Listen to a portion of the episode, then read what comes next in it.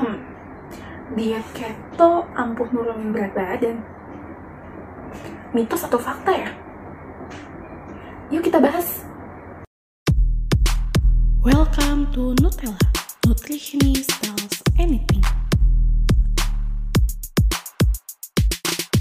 Hai semuanya, balik lagi sama Tasya di sini. Akhirnya setelah sekian lama Tasya tag podcast, akhirnya kita tag podcast lagi sendirian.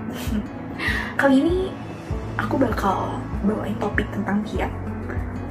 Kayaknya emang scriptwriternya punya maksud terselubung dari aku. Tiap kali suruh tag podcast, pasti aku dapetnya topik tentang diet. Apakah emang aku disuruh diet? Tapi gak apa, siapa tahu kita bisa diet bareng-bareng buat tahun depan, ya nggak? Ada nggak sih yang udah rencanain tentang diet goalsnya tahun depan? Siapa tahu pembahasan dari podcast ini bisa jadi referensi kalian untuk atur pola makan di 2023. Nah, siapa nih yang udah pernah dengar tentang diet ketogenik? Ada yang pernah dengar? Nah, sebelum kita menjawab pertanyaan apakah diet ini bisa ampuh nurunin berat badan, kita perlu kenalan nih sama diet ini. Kita perlu tahu kira-kira prinsipnya kayak gimana sih? Yuk kita bahas. Jadi, diet ketogenik ini diet yang prinsipnya adalah kita mengonsumsi rendah karbohidrat tapi tinggi lemak. Eh, tapi tenang aja. Lemak di sini tuh maksudnya lemak baik, guys. Kayak gitu. Jadi, uh, saat kita melakukan diet ini akan terjadi proses ketosis dalam tubuh kita. Nah, maksudnya proses kayak gimana tuh? Jadi kan uh, diet ini kita mengurangi jumlah karbohidrat yang masuk dalam tubuh. Nah, secara otomatis tubuh akan mengambil cadangan lemak dalam tubuh, dibakar lalu akhirnya menghasilkan sumber energi. Jadi uh, lemak nih yang dijadikan sumber energi utama kayak gitu. Nah, kira-kira sampai di sini udah punya gambaran nggak kira-kira diet ini ampuh beneran gak ya buat turun berat badan? Atau masih butuh referensi makanannya? Oke, kita lanjut.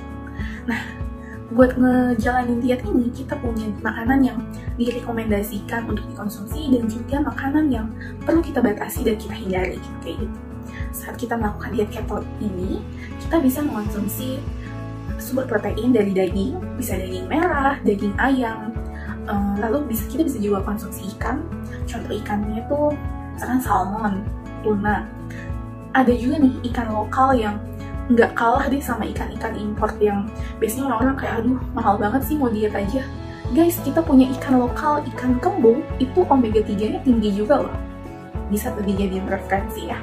Terus kita juga bisa konsumsi telur juga keju terus susu yang tinggi lemak terus kita juga bisa konsumsi kacang-kacangan. Lalu kita juga bisa konsumsi sayuran yang rendah karbohidrat Contohnya itu sayur-sayuran yang berwarna hijau, seperti bayam, brokoli, kembang kol, zucchini, apalagi itu sayuran hijau. Komen di bawah. Kita juga bisa uh, makan tomat. Nah, untuk makanan-makanan yang perlu kita hindari dan kita batasi, contohnya itu seperti yang kayak, dua orang Indonesia nggak bisa nih hidup tanpa ini. Apa tuh? Kita susah banget ya menghindari nasi. Sayangnya kita perlu membatasi asupan nasi kita, terus pasta, sereal, pokoknya bahan-bahan yang bahan bakunya itu gandum kayak gitu itu kita perlu batasi. Karena kan prinsip diet ini itu rendah karbohidrat jadi sekitar 5% dari kebutuhan total harian kayak gitu. Nah selain makanan dari gandum kita juga perlu membatasi makanan-makanan manis kayak dari minuman bersoda, jus buah, smoothies, terus kue, es krim, itu tuh kita perlu batasi. Untuk buah-buahan kita sebenarnya juga perlu batasin semua buah ya, karena kan dalam buah kita tahu ada gula buah. Nah, jadi tapi kalau dari kelompok berries, berry-berry kayak strawberry, blueberry itu masih bisa kita konsumsi gitu. Untuk kacang-kacangan perlu kita hindari seperti kacang merah, kacang polong. Jadi mitos atau fakta nih diet keto bisa nurunin berat badan? Jawabannya adalah fakta. Jadi dengan adanya proses ketosis dalam tubuh, maka tubuh akan secara otomatis untuk menggunakan lemak sebagai sumber energi utama. Eits, tapi jangan lupa sebelum melakukan diet ini, jangan lupa untuk konsultasi kepada ahli dan profesional agar kita bisa mendapat saran yang baik dan pengarahan yang baik dari para ahli seperti itu. Gimana nih kira-kira pembahasan kita kali ini menarik atau udah kayak oke ini bisa nih dijadiin referensi buat dia tonton. Oke tinggalin komen di bawah kira-kira kalian uh, tertarik nggak sama diet ini? Nah jangan lupa juga buat dengerin semua podcast kita di segmen mitos atau fakta kali ini.